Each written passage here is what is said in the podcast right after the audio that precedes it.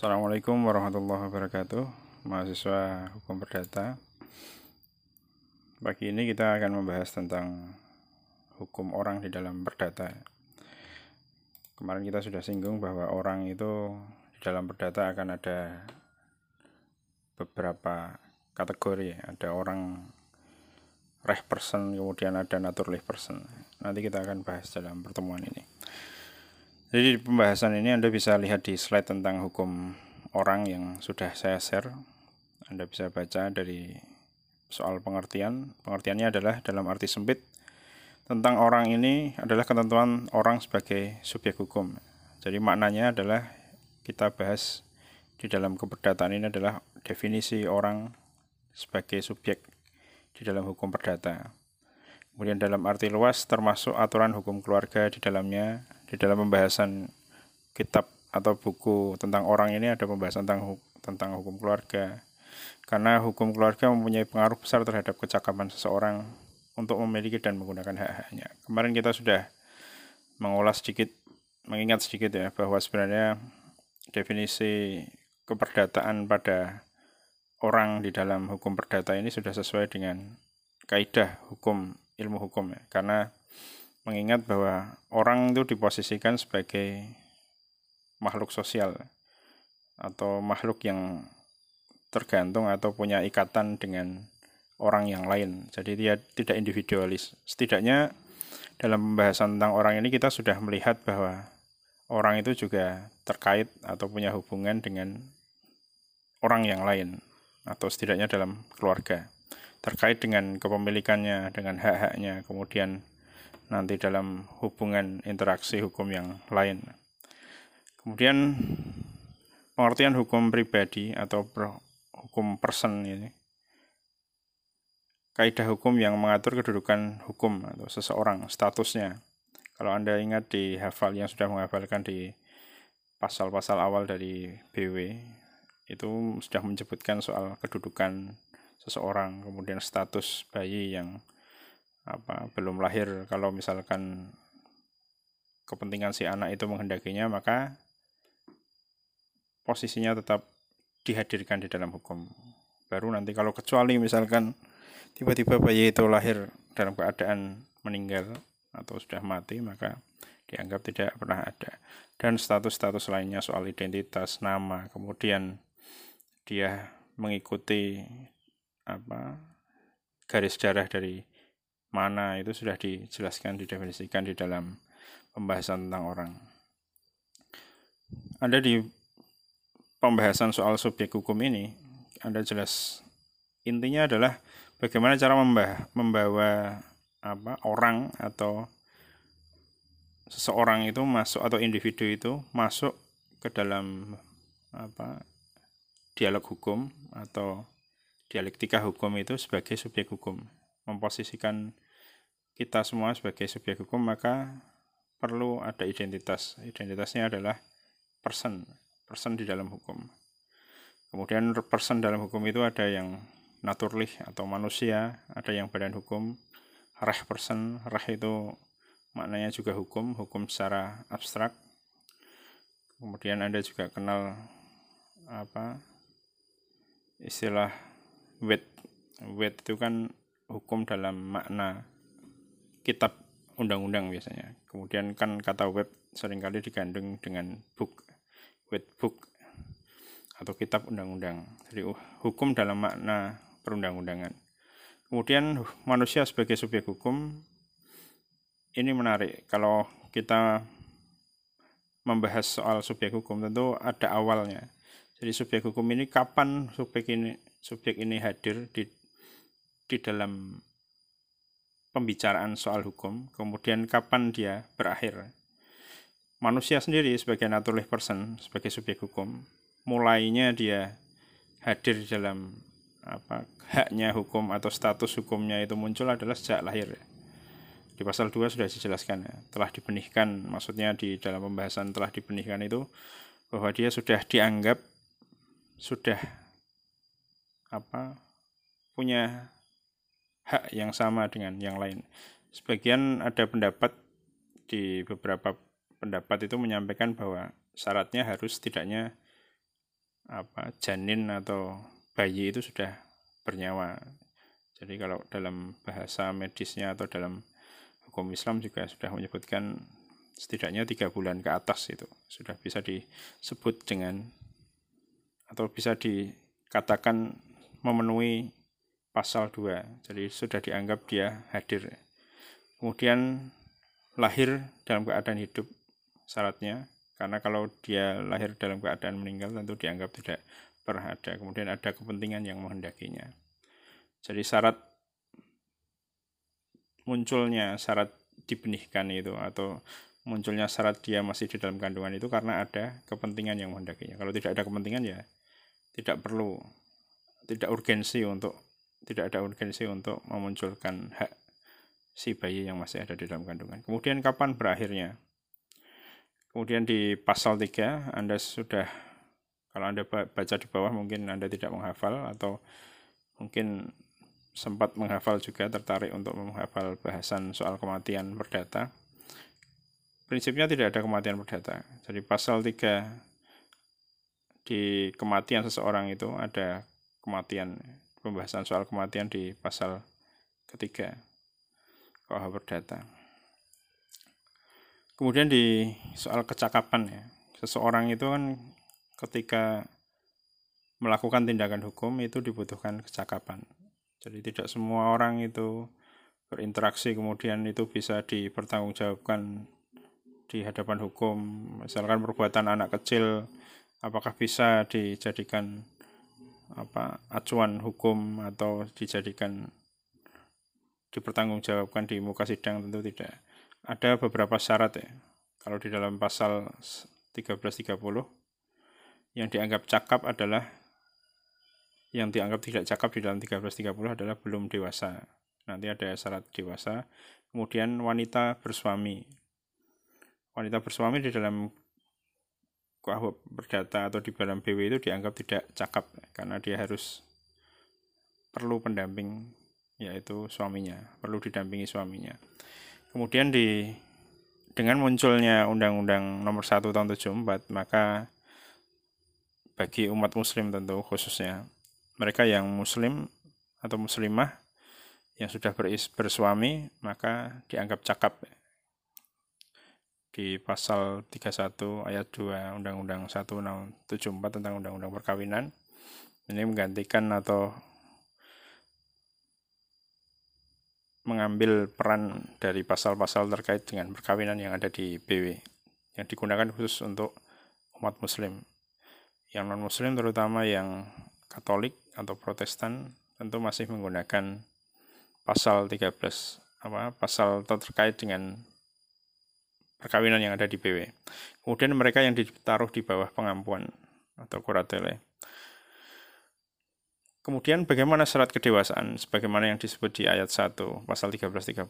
Syaratnya kalau di dalam KUH Perdata itu 21 tahun atau telah menikah. Nanti ada pembahasan soal pendewasaan handlifting kemudian itu lebih bisa mendukung soal terkait ya, dengan pembahasan soal usia ini. Kemudian kalau menurut Undang-Undang Nomor 1 Tahun 74, maka anak berusia 18 tahun di pasal 47, kemudian di pasal 50 atau lebih dan sudah tidak berada di bawah kekuasaan orang tua atau tidak berada di bawah tanggung jawab langsung orang tua.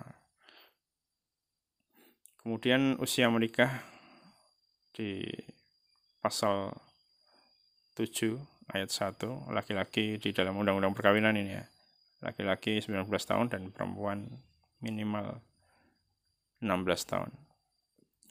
Itu soal pendewasaan. Kemudian handlifting tadi karena terkait dengan kecakapan hukum ya. Seseorang itu kan kalau dalam kondisi darurat, kemudian dia harus melakukan tindakan hukum untuk mewakili untuk mengambil haknya misalkan atau untuk melaksanakan kewajibannya keluarga yang tidak bisa diwakilkan kecuali hanya dia.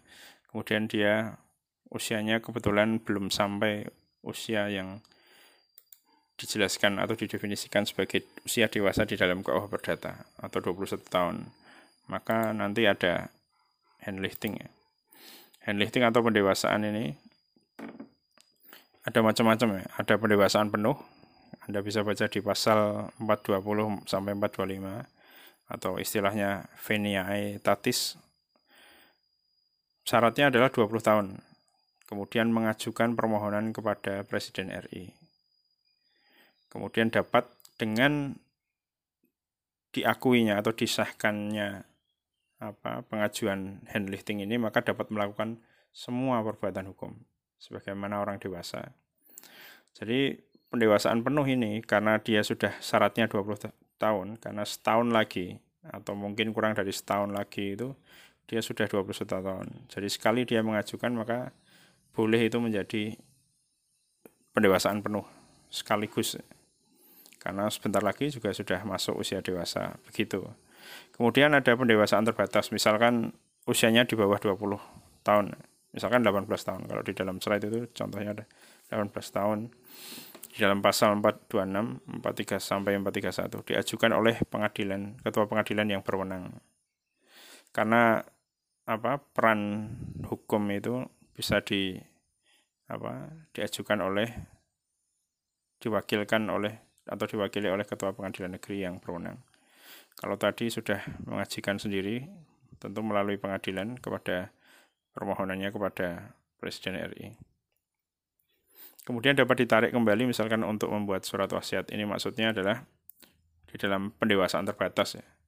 Pendewasaan terbatas ini ketika selesai pendewasaannya dan usianya itu masih jauh dari usia dewasa bukan 20 tahun masih misalkan masih di bawah misalkan 18 tahun maka ketika dia dia itu harus menyampaikan tujuannya dia melakukan handlifting itu apa apakah untuk membagi waris karena misalkan di dalam keluarganya tidak ada pihak lain yang bisa memberi tanggung jawab yang memutuskan tanggung jawab yang baik dalam pembagian waris untuk adik-adiknya misalkan.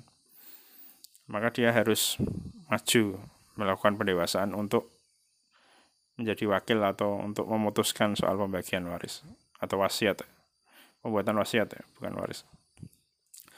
Kemudian nanti setelah apa yang disampaikan di dalam handlifting itu. Misalkan dia tujuannya untuk mengajukan handlifting itu untuk membuat surat wasiat. Nanti maka setelah pembuatan surat wasiat itu selesai maka handliftingnya bisa dicabut. Jadi hanya untuk sifatnya ad hoc ya, hanya untuk tujuan tertentu atau tujuan hukum tertentu. Kemudian ada kuratele, ada pendewasaan, ada kuratele. Pendewasaan ini karena usianya belum sampai usia yang ditentukan oleh undang-undang, tapi dia butuh untuk melakukan tindakan hukum atas nama keluarga, atas nama apa orang tua dan sebagainya bisa atau adik-adiknya. Kemudian ada kuratele. Kuratele ini adalah pengampuan atau orang dewasa yang tidak cakap melakukan perbuatan hukum. Jadi syaratnya adalah orang dewasa. Bisa jadi kalau anak-anak ini masuknya pengampuan jelas di bawah pengampuan orang tuanya. Tapi di dalam kuratele tentu berbeda karena sifatnya adalah orang dewasa tapi dia tidak bisa melakukan tindakan hukum karena ada beberapa halangan. Jadi di pasal 433 Anda bisa baca di BW ada beberapa alasan ya. Misalkan orang yang sakit ingatan, kemudian orang itu pemboros. Jadi kalau dalam membuat testamen atau kesepakatan itu atau menerima wasiat atau waris itu dia berisiko menghabiskan harta keluarga misalkan. Nah, tentu harus diambil pengampuan entah itu harta itu dialihkan dulu ke keluarga yang lain atau ke pamannya orang tuanya yang bisa bertanggung jawab atau biasanya kalau di dalam film itu biasanya diampukan dulu atau ditangguhkan dulu oleh apa penasihat hukum keluarga. Baru nanti diserahkan ketika kondisinya sudah normal. Maksudnya sudah tidak jadi boros tidak jadi pemboros terus jadi orang yang pemboros ini meskipun dia dalam beberapa hal itu tidak bisa atau di bawah pengampuan, tapi dia bisa melakukan atau membuat testamen soal perkawinan. Jadi dia masih boleh di antara banyak tindakan-tindakan hukum yang tidak diperbolehkan, dia masih boleh melakukan tindakan hukum. yaitu satu tindakan hukum melakukan kesepakatan untuk apa membuat testamen perkawinan atau janji kawin atau membuat janji kawin. Berarti belum terlaksana perkawinan jadi ada janji dulu.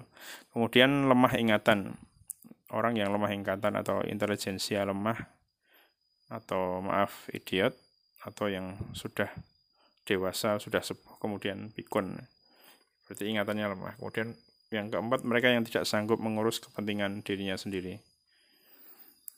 Jadi ada beberapa macam ya. Kalau di dalam orang yang tidak bisa mengurus kepentingannya sendiri biasanya di sini yang dicontohkan di dalam pasal islat ini adalah orang yang punya kelakuan buruk dia otomatis tidak bisa ngurus dirinya sendiri entah dia suka berbuat onar kemudian punya masalah sosial tentu dia tidak bisa mengontrol dirinya dirinya saja tidak bisa dikontrol apalagi mengurus kepentingan dirinya sendiri atau mengganggu keamanan lingkungan.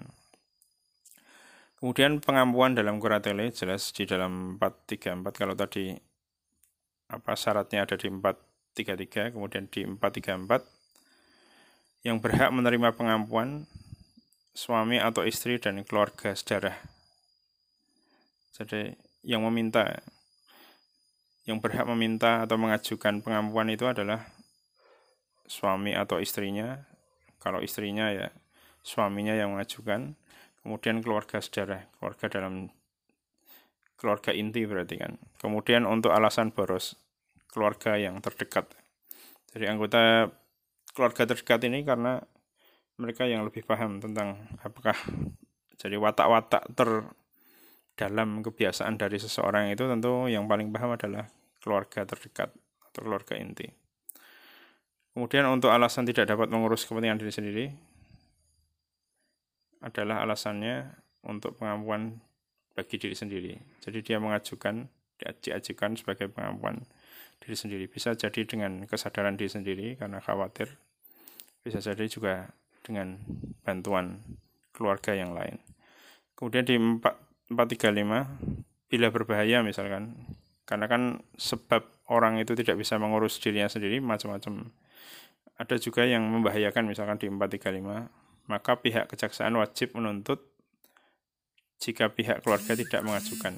Jadi kalau anak ini atau seseorang itu ketahuan dia bermasalah tapi keluarganya membiarkan dan tidak mengajukan pengampuan, maka pihak kejaksaan wajib mengajukan. Tentu dengan apa? Dengan adanya laporan hukum ya ada proses hukum kemudian diajukan untuk karena berbahaya di masyarakat di lingkungannya kemudian pengajuan permohonan pengampuan kepada pengadilan negeri yang berwenang disertai alasan-alasan bukti-bukti dan sanksi-sanksi. Saksi-saksi. Jadi bukti kemudian di dalamnya ada saksi kemudian ada sanksi-sanksi. Berbeda dengan naturally person tentu ada. Yang kedua adalah reh person atau badan hukum. Badan hukum ini terbagi menurut kategori sifat, kemudian bagaimana pendiriannya dan cirinya. Badan hukum berbeda dengan orang. Syarat-syarat dari atau ciri-ciri dari badan hukum ini adalah atau sifat-sifatnya yang pertama kita bahas ada sifat yang apa khas ya, mengejar keuntungan ekonomi. Contohnya adalah PT, koperasi, CV juga masuk. Kemudian ada yang sifatnya ideal atau punya landasan idealis seperti yayasan, partai politik, LSM juga ya. Kemudian ada yang kategori yang pengelompokan kedua adalah berdasarkan pendiriannya. Ada yang berdasarkan dengan undang-undang. Misalkan adalah lembaga negara dan perum. Misalkan lembaga negara seperti BPK, kemudian KPK ini kan dibuat dengan berdasarkan undang-undang. Jadi ada undang-undang yang menjelaskan bahwa lembaga itu adalah ada atau eksis. Maka dengan selama di, mulai dari diundangkan sampai nanti undang-undang itu dihapus, maka selamanya lembaga yang disebutkan di dalam undang-undang itu akan tetap ada. Kemudian ada yang diakui pemerintah berdasarkan undang-undang melalui proses pendaftaran. Jadi misalkan seperti lembaga negara dan perum tadi, itu tidak butuh akte ya. Tidak butuh akte norat, apa notaris disahkan. Kan tidak mungkin ya KPK untuk jadi lembaga harus mengajukan akte notaris, kemudian disahkan presiden. Tidak. Itu undang-undang sudah menyebut demikian, maka selama undang-undang itu berjalan ya lembaga itu berdiri. Kemudian ada yang diakui melalui diakui pemerintah berdasarkan undang-undang. Ada proses pendaftarannya. PT itu juga masuk, kemudian koperasi dan yayasan yang dicontohkan di dalam slide. Itu harus mendaftar dulu, kemudian diakui, kemudian mereka harus mengikuti syarat-syarat yang ada di dalam undang-undang. Misalkan tidak boleh menyimpang dari ideologi Pancasila, kemudian harus sesuai dengan prinsip-prinsip sosial atau harus tidak bertentangan dengan aturan-aturan hukum yang berlaku dan seterusnya. Harus memenuhi syarat misalkan PT harus punya aset berapa, kemudian pekerjanya berapa, misalkan CV harus berapa, koperasi harus bentuknya seperti apa. Tentu koperasi definisinya kan tentu dibedakan dengan PT dan yayasan. Karena itu syarat-syaratnya harus persis seperti yang dijelaskan atau dituntut oleh atau diminta oleh undang-undang. Kemudian ciri dari badan hukum adalah syaratnya adalah ada harta kekayaan. Jadi hampir seperti orang. Badan hukum sebagai person natur apa reh person. Reh naturalis person juga punya harta kekayaan, tapi ya tidak semua orang punya kemampuan yang sama dalam hal harta kekayaan. Kemudian ada tujuan tertentu. Jadi apa orientasi itu nanti menjadikan hukum itu bisa mendefinisikan masalah dan bisa memposisikan lembaga atau badan hukum itu seperti apa? Dilihat dari tujuan dia jadi kalau orang itu ya tujuannya bagaimana kan? Dilihat apa objektifnya dia itu apa? Tujuannya itu apa? Maka dia kalau terkait dengan perkara-perkara perdata misalkan maka bisa disimak dasarnya yayasan atau PT dan sebagainya ini tujuannya itu apa awal diciptakan. Kalau misalkan menyimpang dari tujuan misalkan itu juga bisa jadi apa pemberat permasalahan misalkan. Kemudian ada kepentingan kepentingan dalam organisasi, kemudian dalam badan hukum, kemudian ada organisasi yang teratur. Maka harus jelas di dalam badan hukum itu ada struktur organisasi, kemudian ada anggaran dasar, anggaran rumah tangga, dan sebagainya yang teratur. Kalau tidak teratur ya namanya jadi perkumpulan atau gerombolan orang ya kalau kita belajar ilmu sosial tentu berbeda dengan badan hukum. Mereka hanya kumpulan orang-orang ya, mau disamakan ya juga tidak bisa sama. Kemudian Anda bisa baca soal apa? Teori badan hukum, kemudian Syarat-syarat badan hukum ada akte pendirian dari notaris disahkan oleh Menteri Kehakiman. Kemudian didaftarkan di Kementerian. Jadi akte pendirian di depan notaris kemudian disahkan oleh Menteri Kehakiman. Ada pengesahannya. Kemudian didaftarkan di Kemalitraan PN. Jadi apa pun yayasan lembaga badan hukum yang ada di sebuah wilayah hukum sebuah PN itu PN punya daftarnya kemudian diumumkan di berita negara. Kemudian ada teori teori tentang badan hukum. Ada teorinya Karl von Savigny populer beliau terkait dengan teori fiksi. Badan hukum itu pengaturannya oleh negara. Oleh karena itu badan hukum sebenarnya tidak ada. Hanya orang-orang yang menghidupkannya. Jadi menurut Savigny ini badan hukum itu tidak tidak real hanya karena dihidupkan oleh orang-orang maka dia menjadi ada. Kalau orang-orang itu yang mengatur atau menghidupinya tidak ada ya maka tidak ada lagi. Jadi sebenarnya itu abstrak fiksi. Dan kata lain pada hukum ini sama dengan buatan hukum atau disahkan oleh hukum. Jadi tidak benar-benar ada. Hanya disahkan, kalaupun tidak disahkan atau dicabut pengesahannya ya maka tidak ada. Kemudian ada teori harta. Badan hukum adalah suatu badan yang mempunyai harta dan berdiri sendiri dan mempunyai tujuan tertentu. Kemudian ada Otto van Grinke, Gierke, teori tentang organ, badan hukum ini bukan merupakan suatu fiksi tetapi merupakan makhluk yang sungguh-sungguh ada secara abstrak yang dibentuk dari konstitusi hukum atau konstitusi yuridis. Nah, ini bertentangan dengan teorinya Carl von Savigny. Kalau Anda baca teorinya ya sepintas. Ya. Kita tidak baca bukunya secara langsung tapi dari pembandingan dua pemahaman yang dikutip sangat singkat ini itu tidak bisa mewakili dua pemikiran. Itu terlihat bahwa sebenarnya yang dimaksud Carl von Savigny itu bukan tidak menyadari pemikiran ke cuma apa sasarannya itu berbeda.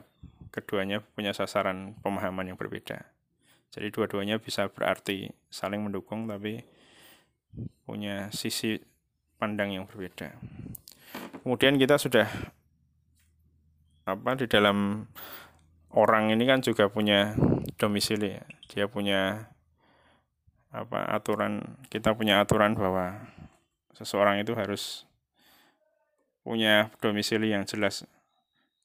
Kemudian apa dalam domisili ini dijelaskan juga tentang pengertian domisili, kemudian apa itu domisili, ada yang sukarela, wajib. Anda bisa baca sendiri. Kemudian pengertiannya adalah tempat di mana seseorang berada dalam kaitan dengan pelaksanaan hak dan penentuan kewajiban. Jadi domisili itu terkait dengan hak dan kewajiban. Jadi orang tidak bisa apa misalkan seperti kalau kita alamat di apa di Gojek misalkan, aplikasi ojek online, tentu terkait dengan term yang ada di dalam Gojek, soal hak dan kewajiban orang itu tentu terkait dengan juga alamat yang digunakan. Entah itu Anda menerima kiriman dari Gosen, kemudian Anda harus dijemput di tempat yang sama. Kemudian nanti kalau ada sengketa terkait dengan pelayanan dan sebagainya, atau Anda punya masalah dengan apa drivernya tentu itu domisili yang juga menjadi rujukan. Jadi domisili ini tujuannya adalah untuk menciptakan ketentuan apa kepastian hukum. Kemudian nanti ada domisili sungguhan kemudian ada domisili yang dipilih kemudian ada domisili yang ikut ya, karena dia harus ikut dengan perusahaannya atau majikannya itu menyesuaikan Kemudian di dalam selanjutnya soal orang ini, ketika orang itu lahir, setiap orang yang lahir dan itu tentu didaftarkan akta kelahiran. Begitu juga ketika seseorang itu meninggal, maka harus didaftarkan akta kematian. Itu bisa di apa soal perkawinan tentu kalau di dalam umat Islam tidak mendaftarkannya di catatan sipil. Jadi peran di sini tentu soal catatan sipil dominan kalau soal per, apa pendataan semuanya menggunakan catatan sipil kecuali kalau di dalam hal perkawinan perceraian kita terkait dengan pengadilan agama dan KUA. Sedangkan data kita soal kelahiran sampai kematian, kemudian apa kakak dan sebagainya itu kependudukan dan sebagainya terkait dengan catatan sipil. Itu terkait juga dengan kalau sekarang kan semua sudah apa terhubung semua data. Satu sama lain sudah terhubung. Entah data identitas kemudian jaminan sosial sampai alamat domisili kelurahan RT RW Anda sudah terkait. Itu bisa Anda baca terkait dengan orang. Saya rasa untuk pembahasan orang ini Anda bisa sambil baca dan apa pahami. Sambil sebaiknya memang sambil Anda pegang BW supaya referensi juga rujukan alasan hukumnya juga lebih jelas dan kitab undang-undang eh, undang-undang perkawinan tahun 74 atau juga bisa kita tambahkan KHI kalau di dalam umat Islam kompilasi hukum Islam sebagai referensi. Terima kasih, saya rasa cukup sekian untuk pembahasan orang. Sisanya Anda bisa baca sendiri di BW dan di slide yang sudah saya bagikan. Terima kasih, semoga bermanfaat. Assalamualaikum warahmatullahi wabarakatuh.